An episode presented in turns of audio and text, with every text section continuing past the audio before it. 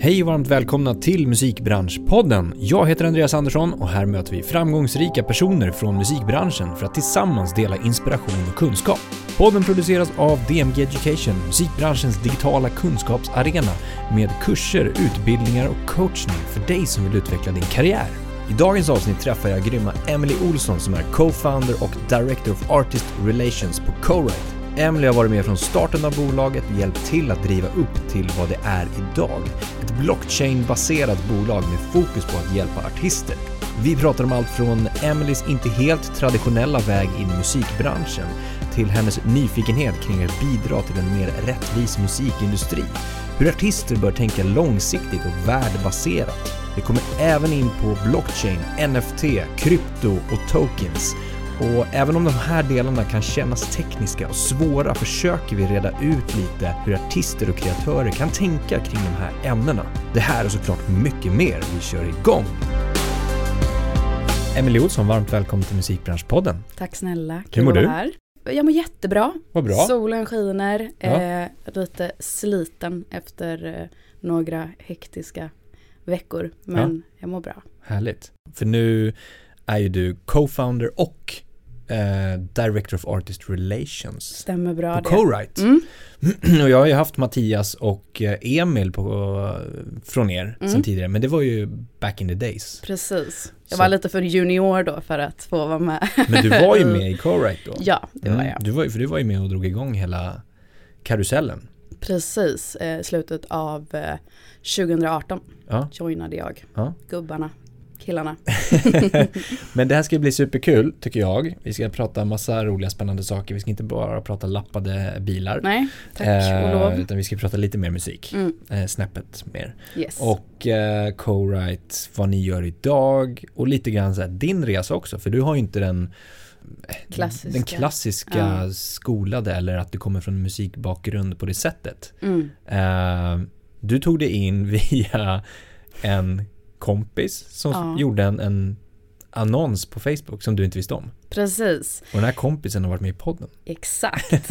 eh, så jag, jag brukar faktiskt liksom inte dra den här storyn för att den kanske inte känns relevant. Men det känns relevant för, för era eh, lyssnare. Eh, för de, vi vet säkert vem det är. Men eh, ja, precis. Ehm, dels, eh, jag kom ju såklart in i eh, branschen tack vare eh, den här personen. Eh, men eh, fick väl stanna tack vare att jag också kunde någonting förhoppningsvis. Liksom. Exakt, såklart. Eh, nej men jag lärde känna Timothy Collins som är grundare till det otroligt framgångsrika bolaget Creed. Eh, men det här var liksom innan det. Jag kommer inte ihåg om han var praktikant på ett night då eller om han jobbade där. Eh, men det var någonstans i övergången. Eh, men eh, jag lärde känna Tim och jag tror också att han liksom vid något tillfälle försökte få mig att liksom bli influencer.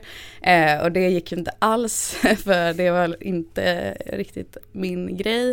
Eh, men, eh, men precis, jag har ju liksom haft eh, ganska så här vanliga kneg. Jag har gjort en del liksom avstickare och haft poddar och bloggat och gjort den prylen och jobbat lite med marknadsföring och Eh, och drivit lite projekt eh, utanför jobbet liksom. Eh, men eh, Tim då såg väl att eh, ja, men här är en person som kanske skulle passa bättre i en kreativ miljö och få vara med och bygga någonting och eh, ville väl liksom eh, helt enkelt få mig att liksom eh, bredda mitt kontaktnät och sådär. För att eh, jag vet ju liksom hur han kom in i branschen och eh, han har ju också liksom verkligen liksom visat mig värdet av hur viktigt det är liksom när man står där utanför. Att man måste liksom få någon som bjuder in en i värmen. Liksom. Det, är rätt, det är rätt tufft och det är väldigt stängd. Eh, liksom musikbranschen generellt är liksom väldigt stängd. Nu var det kanske nödvändigtvis inte musikbranschen som jag liksom ville in i från första början.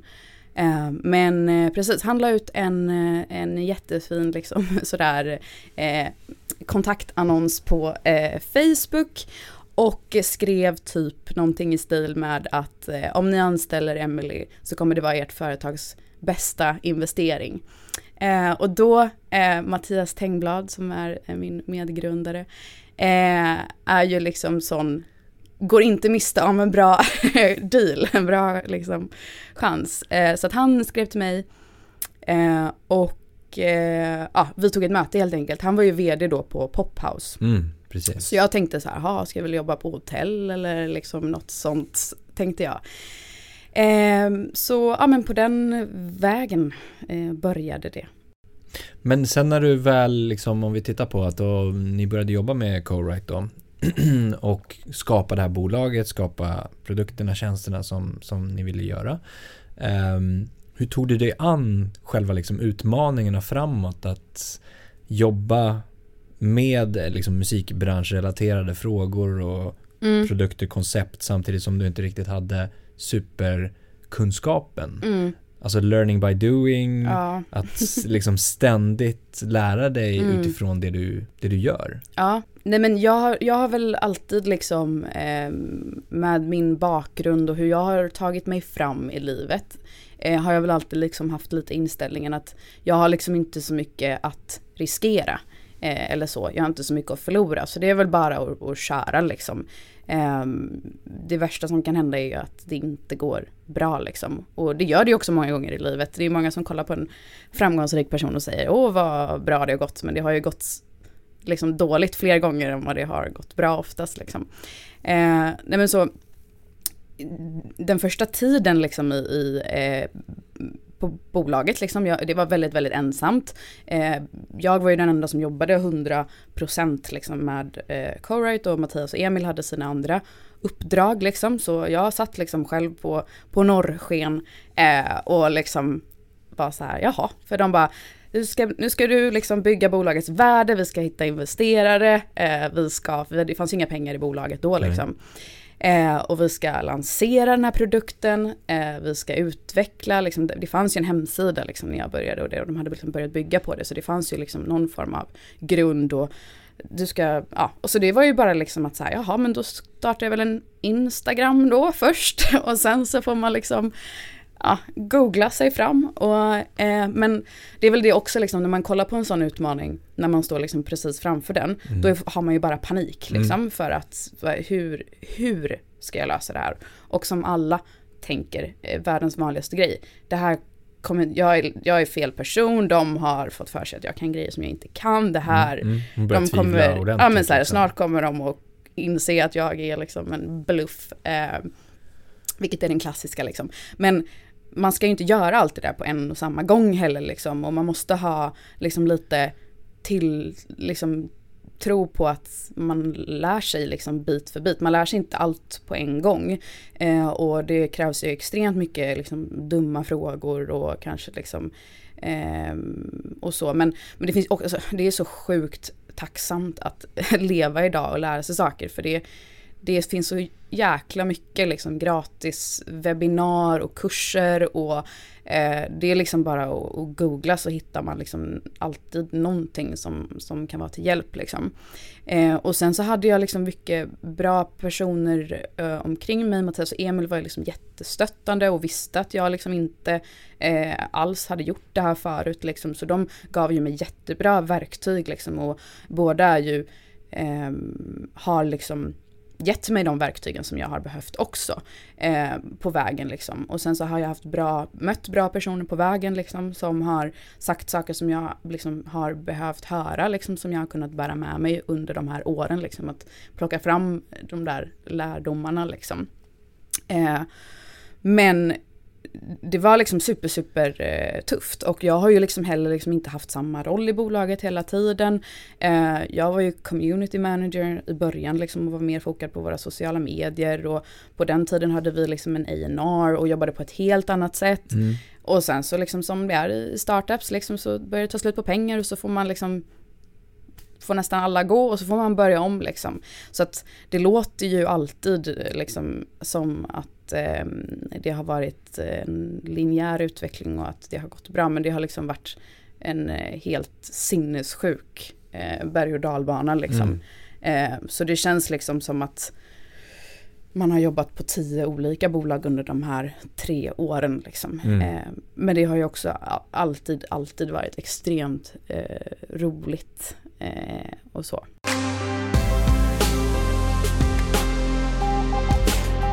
vi, vi snackade också om det här att du är supersugen på att testa på att gå upp fyra på morgonen, isbada. Inte, jag skojar bara. Eh, vi pratade om just det här med entreprenörskapsbilden. Mm. att många självutnämnda entreprenörer är väldigt benägna att visa upp att man eh, jobbar 16 timmar per mm. dag, man sover så lite som möjligt, man mm. äter nudlar, man har eh, liksom inga pengar mm. och, och liksom mm. ja, samtidigt som man ska visa upp en bild av att man går upp fyra på morgonen och, och mm. isbadar och, och liksom lever livet på något mm. sätt. Uh, och att det är en ganska missvisande bild ja. av vad det faktiskt är. Ja men verkligen. Ja, eh, det enda jag kan känna igen mig i, eller jag är väl någonstans emellan där. Jag går Bra. upp inte så tidigt och äter Billys panpizza istället för nudlar. Men, eh, nej men eh, jag, tyck, jag tror också, eh, vi pratade om det lite här innan och jag tyckte att du gjorde en bra jämförelse liksom, med influencers och att måla upp en eh, bild av någonting som kanske rikt, inte riktigt är sant. Mm. Eh, och hela den här, vad heter det?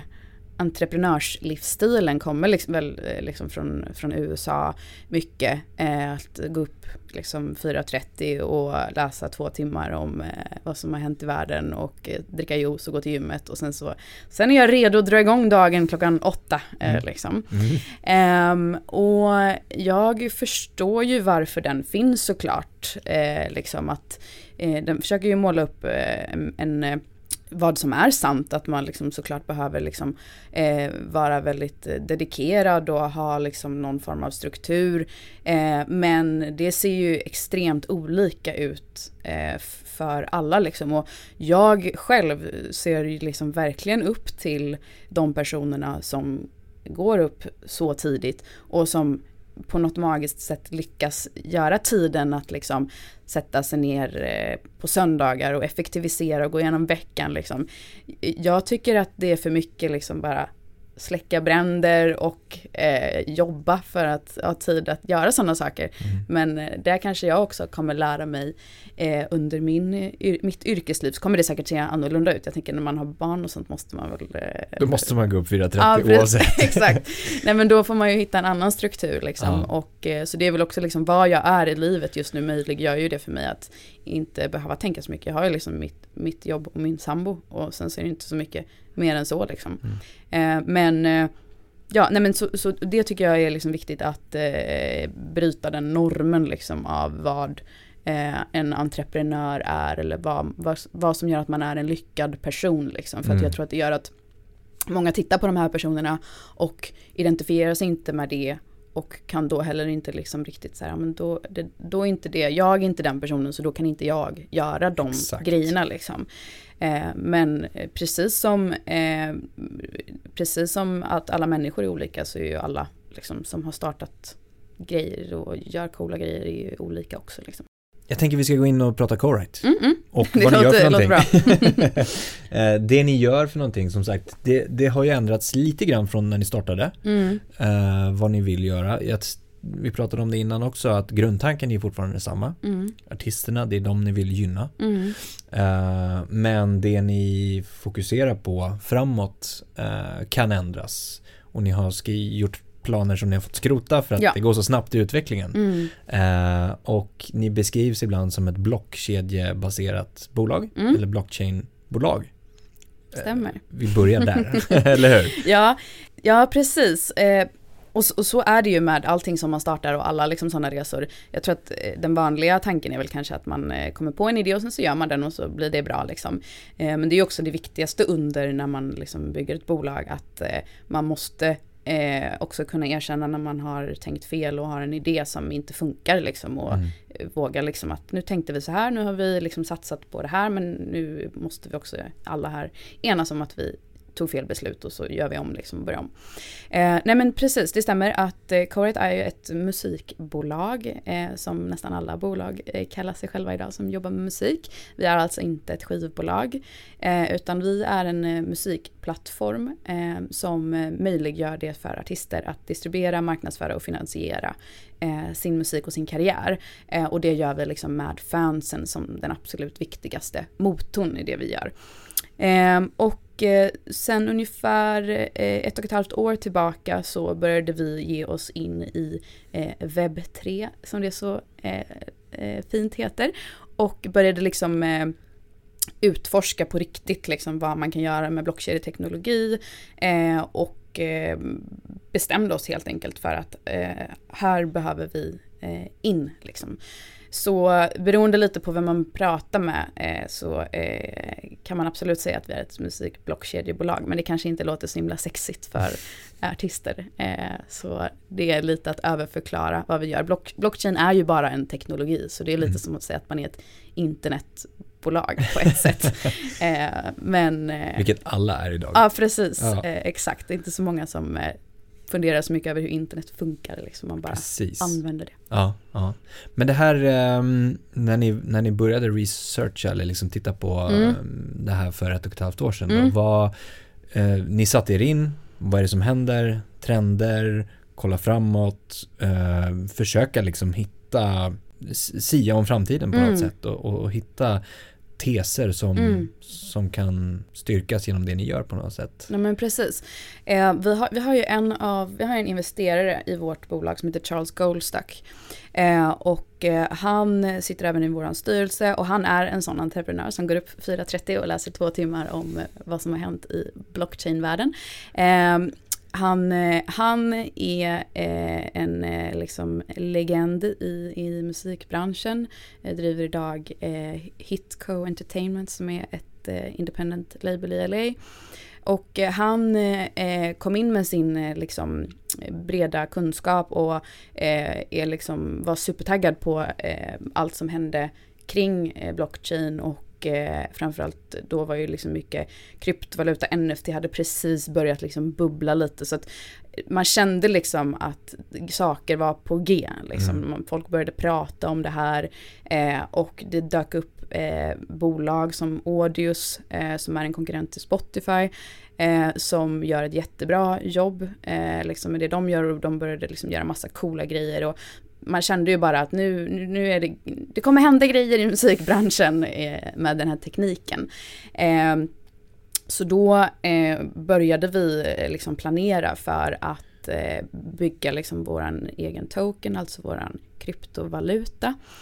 Ehm, eh, och har under det här året tagit in 6,2 miljoner dollar ehm, för att bygga liksom den här blockkedjeplattformen det låter mer komplicerat än vad det är. Jag vill heller liksom inte att man ska känna sig bortskrämd eh, för att man pratar för mycket om det där. Men det är egentligen bara att vi vill använda all den här eh, blockchain och kryptovaluta liksom, eh, och den communityt är liksom, det handlar om community, det handlar om att göra saker tillsammans, det handlar om eh, liksom att få eh, rewards, att de som bidrar med det faktiska värdet i någonting mm. blir belönade för det och att man är med och bygger saker tillsammans. Liksom. Så det är det som är kärnan. Eh, och såklart möjligheten för artister att få nya intäktsströmmar mm. eh, och bygga sina communities eh, på, på ett helt annat sätt. Eh, blockkedja som vi pratar om, mm. eh, det är en teknik. Mm. Eh, en blockkedja som där verifieras och det är liksom transparent och man kan spåra och sådana saker.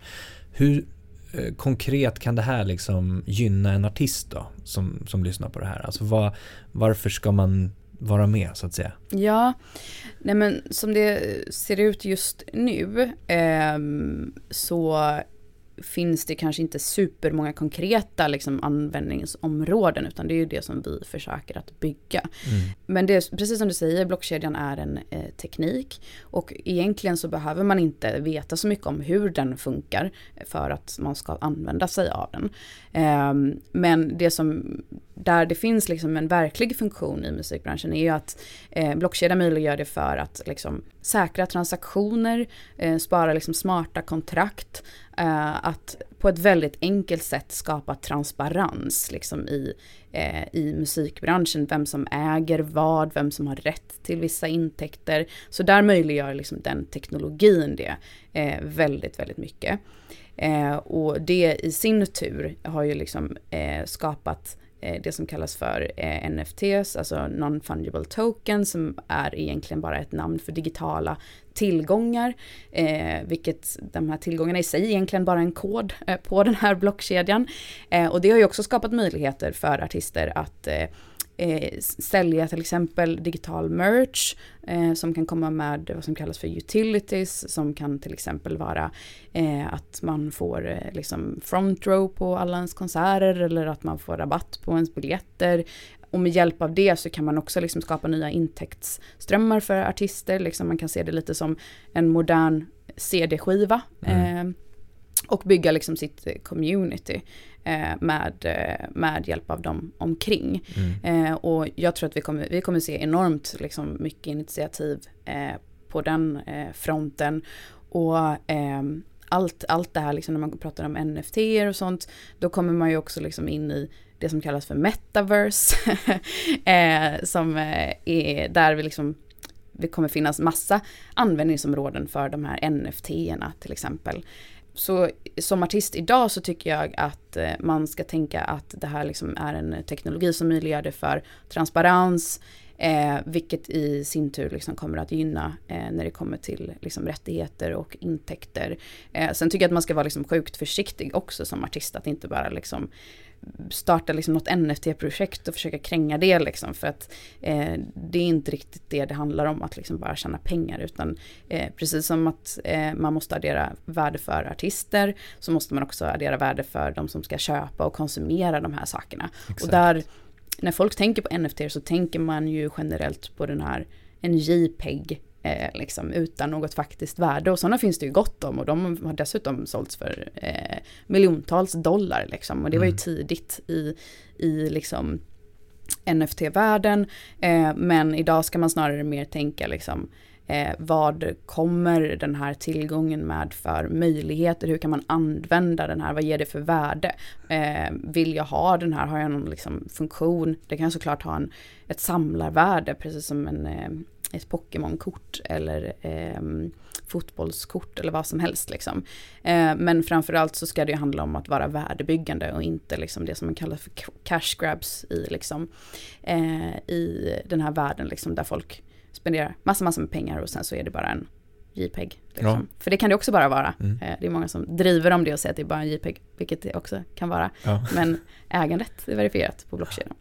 Eh, så eh, jag vill, liksom, jag, jag, vill inte liksom spränga folks huvuden för mycket heller, liksom, för det är så, det är liksom eh, som ett svart kaninhål som man bara hoppar in i och sen så bara kommer man aldrig ut liksom för att det är oändligt med information där ute ja. och det är extremt svårt att, att sålla, att sålla eh, det, i den informationen och eh, så man ska liksom vara också väldigt försiktig i var man inhämtar sin information och eh, vara liksom det kommer, det kommer, artister kommer att bli kontaktade under det här liksom, året. Om man inte redan har blivit kontaktad av någon som vill göra en NFT eh, så kommer de att, att det blir det. Liksom. Det är nästa grej. Mm. Eh, så. Mm.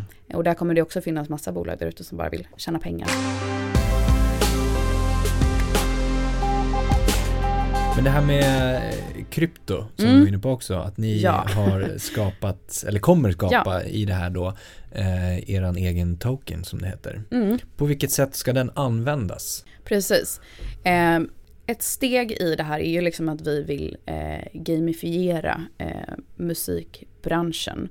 Eh, och interaktionen mellan artisten och fanet egentligen. Eh, så att det vi vill göra är ju liksom att eh, skapa incitament för fans att helt enkelt eh, stötta sina favoritartister mer än att att de stöttar artisterna, liksom, att det känns bra i magen. Liksom. Eh, men det finns väldigt många liksom, eh, exempel på där eh, man som, ja, som vilket spel som helst, liksom, att man blir, får rewards för det som det, de timmarna man lägger in i att, liksom, att spela ett spel. Eh, jag tycker att eh, liknelsen till exempel med Farmwill är väldigt bra. Du lägger liksom ner timmar av ditt liv på de här spelen och det är liksom spelarna som är de absolut viktigaste. Utan mm. spelarna, inget spel. Mm. Det är de som är med och liksom driver på eh, vad de vill liksom utveckla i spelet. Det är de som bygger sina gårdar och sen kanske de säljer dem där och de får liksom lite coins som de kan köpa morötter för. Liksom. Men det ger ju inget liksom verk verkligt värde eh, liksom till de här personerna. Så att eh, ge det verkliga värdet till de som är de viktiga i musikbranschen, eh, vilket absolut till stor del är mediebolag och labels och management och allt sånt där. Men det absolut viktigaste är ju artisten och fansen liksom. Ja. Eh, så att eh, skapa en plattform där artisten och fansen kan bygga saker tillsammans. Eh, där eh, fansen också liksom kan få eh, rewards för ja, att till exempel att följa sin eh, favoritartist på Spotify, att skapa innehåll på sociala medier, att hjälpa artisten att bygga sitt brand, eh, kanske även vara med i den kreativa processen. Eh, så vår token då som vi eh, håller på att lansera, det är vad som kallas för en utility token. Det betyder att den kommer med eh, liksom lite värden som mm. är inskrivna eh, eh, i vad man har liksom tillgång till om man håller den här tokenen. Eh, och det kan till exempel vara att du får eh, rätt att vara med och liksom rösta om vissa saker för liksom Eh, kan vara liksom en specifik artist men det kan också vara liksom, eh, hur plattformen ska utvecklas. Eh, men att man får, och att man får tillgång till olika typer av att man kanske får backa en artist framför alla andra. Ehm, så det kommer liksom komma med värde vad den här gör, vad du kan göra på den här plattformen då. Mm. Ehm, så det handlar, liksom, det handlar om att skapa liksom incitament för eh, fans eh, att liksom stötta artister. Jag tror, jag tror att det finns en ganska stor lucka där. Eh, att man som vanlig musikkonsument inte riktigt vet på vilka sätt man kan faktiskt stötta artister och hur stor skillnad det gör. Liksom att bara de här små sakerna som att liksom dela låten från Spotify till mm. Instagram och liksom de här sakerna som, som idag kanske mer ses som eh, en, en bonus liksom. Och det är ju någonting som, men det hjälper ju artisten oerhört mycket liksom alla de här eh, sakerna. Så att eh, skapa mer incitament helt enkelt för eh, fans att stötta artister eh, och att eh, ge artisterna möjlighet att bygga liksom starka dedikerade communities där det handlar om stark relation till fansen snarare mm. än kanske hur mycket support du får från Spotify på dina nya släpp. Liksom. Mm. Eh, för att eh, i slutändan så behöver det liksom, plattformar kommer gå och komma och det kommer komma nya, vissa kommer försvinna och sådär. Men du behöver fortfarande liksom de här fansen som faktiskt bryr sig om dig som artist liksom, för att du ska kunna skapa en hållbar karriär. Nu har vi ju pratat om liksom co-write, vi har pratat om lite tekniska aspekter, vi har pratat om vad ni vill göra för någonting, vad ni gör för någonting. Uh, men vad gör du i ditt dagliga arbete som liksom co-founder och uh, så artist director? Mm. Uh, just nu så jobbar jag jättemycket med att liksom skapa så bra team som möjligt. för när man har varit, liksom startat någonting så ska man ju också hitta andra liksom, som är ännu smartare än en som ska liksom eh, få saker att hända. Så att jag jobbar jättemycket med mitt team. Eh, där vi har helt fantastiska människor som jag aldrig skulle klara mig utan. Eh, min, min faktiska liksom, roll är ju Director of Artist Relations och i det så handlar det om att bygga relationer med artister, förstå vad de vill ha, mm. förstå hur vi som bolag kan addera värde till det. Eh, ta fram tjänster eh, som adderar värde för dem och deras utveckling och eh, deras eh, eh, att liksom få dem att växa, eh, lösa deras problem. Liksom. Och det gör jag ju såklart genom att bygga relationer med artister, men också med strategiska partnerskap, eh, hitta andra bolag som vi kan jobba med tillsammans för att liksom stärka eh, vårt erbjudande mot independent artister sen eftersom vi är liksom ett väldigt, väldigt litet team så jobbar jag väldigt nära artister i vissa projekt. Eh, på liksom kan vara allt ifrån releaseplan till att eh, hjälpa dem och rådgöra med liksom deras cover art eller liksom så.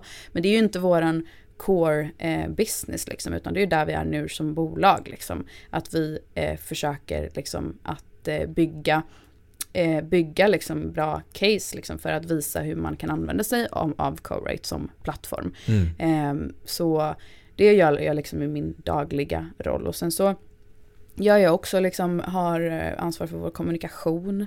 Eh, så inne där och petar lite. Håller på nu att att eh, sätta upp eh, liksom en marknadsföringsstrategi.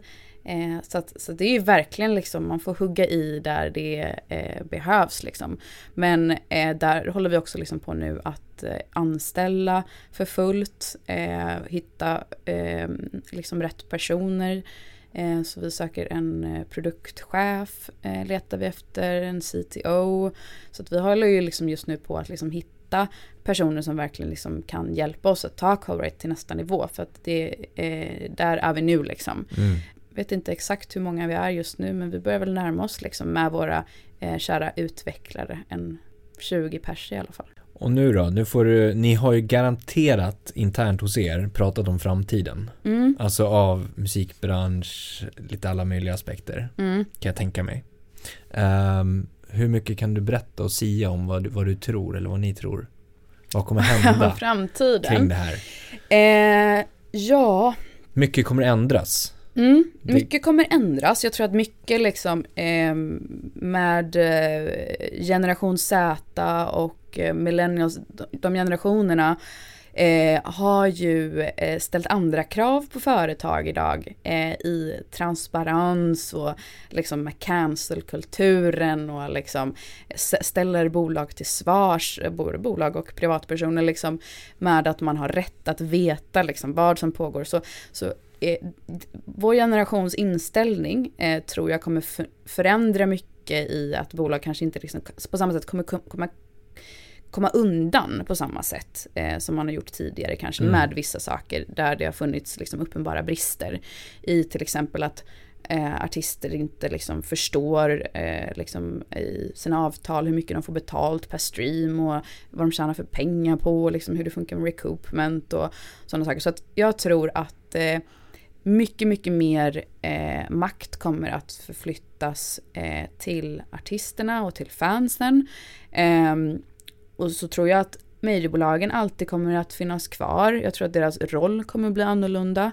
Eh, jag tror att det kommer att bli mycket, mycket större fokus på, eh, eller jag hoppas att det kommer bli mycket större fokus på att faktiskt ta tillbaka det till att bygga artister igen. Eh, liksom, just nu så är det, bygger ju artisterna sig själva liksom, i många liksom, mån. Eh, jag pratade med en artist igår som hade varit liksom hos ett mediebolag och fått svar liksom att så här, älskar det du gör, men kom tillbaka när du har x antal följare på TikTok liksom. Eh, så, att, så där hoppas jag väl att eh, det kommer upp fler bolag som verkligen kommer satsa på att liksom, bygga artisterna liksom. Um, men uh, ja, nej, men så, så, musikbranschen är ju liksom under förändring men det kommer ta många år liksom. Um, men vad jag tror och vad jag hoppas är ju också liksom lite, lite skilda. Eh, men förhoppningsvis kommer man ju vara med i alla fall att förändra den eh, till det bättre eh, mm. på något sätt. Och har man inte gjort det så, man, så, kan man i alla fall säga att man försökte göra det. Exakt. Eh, men eh, ja, jag tror att det kommer bli mer transparent. Härligt. Och förhoppningsvis färre liksom gatekeepers att eh, sättet som man konsumerar musik på idag är ju väldigt serverat och har ju förändrat liksom vårt sätt på hur, hur vi konsumerar musik. Liksom har ju helt och hållet förändrats och eh, hur bolag också tänker kring liksom, deras mood playlists och liksom att man eh, min sambo liksom sa någon gång när någon frågade vad hans liksom, favoritgenre är så sa han typ Dinner with friends. Ja. Eller, alltså det, att det är så man börjar liksom konsumera musik idag. Liksom. Eh, och där hoppas jag väl också att, att man tar tillbaka det mer till hur eh, man kanske konsumerade förr. Men det är nog inte den riktningen som det kommer att gå i. Mm. För så ser det inte ut just nu. Eh, så ja, vad man tror och vad man hoppas är ju två helt skilda grejer. Så är det. Mm. Härligt. Emelie, stort ja. tack för jättehärligt samtal. Ja, tusen tack. Jättekul att vara här. Jättestort tack för att du har lyssnat på podden idag. Det uppskattas verkligen. Kom ihåg att följa, stjärnmarkera, gilla, dela, kommentera för att hjälpa till att sprida kunskapen i musikbranschen. Vi vill också jättegärna höra från dig. Vilka utmaningar står du inför? Vad tycker du är svårt? Vad tycker du är lätt? Vad vill du höra? Vad vill du veta? Vad vill du lära dig? Hör av dig till oss på info at dmgeducation.se. Tack för idag och ha en fortsatt härlig dag.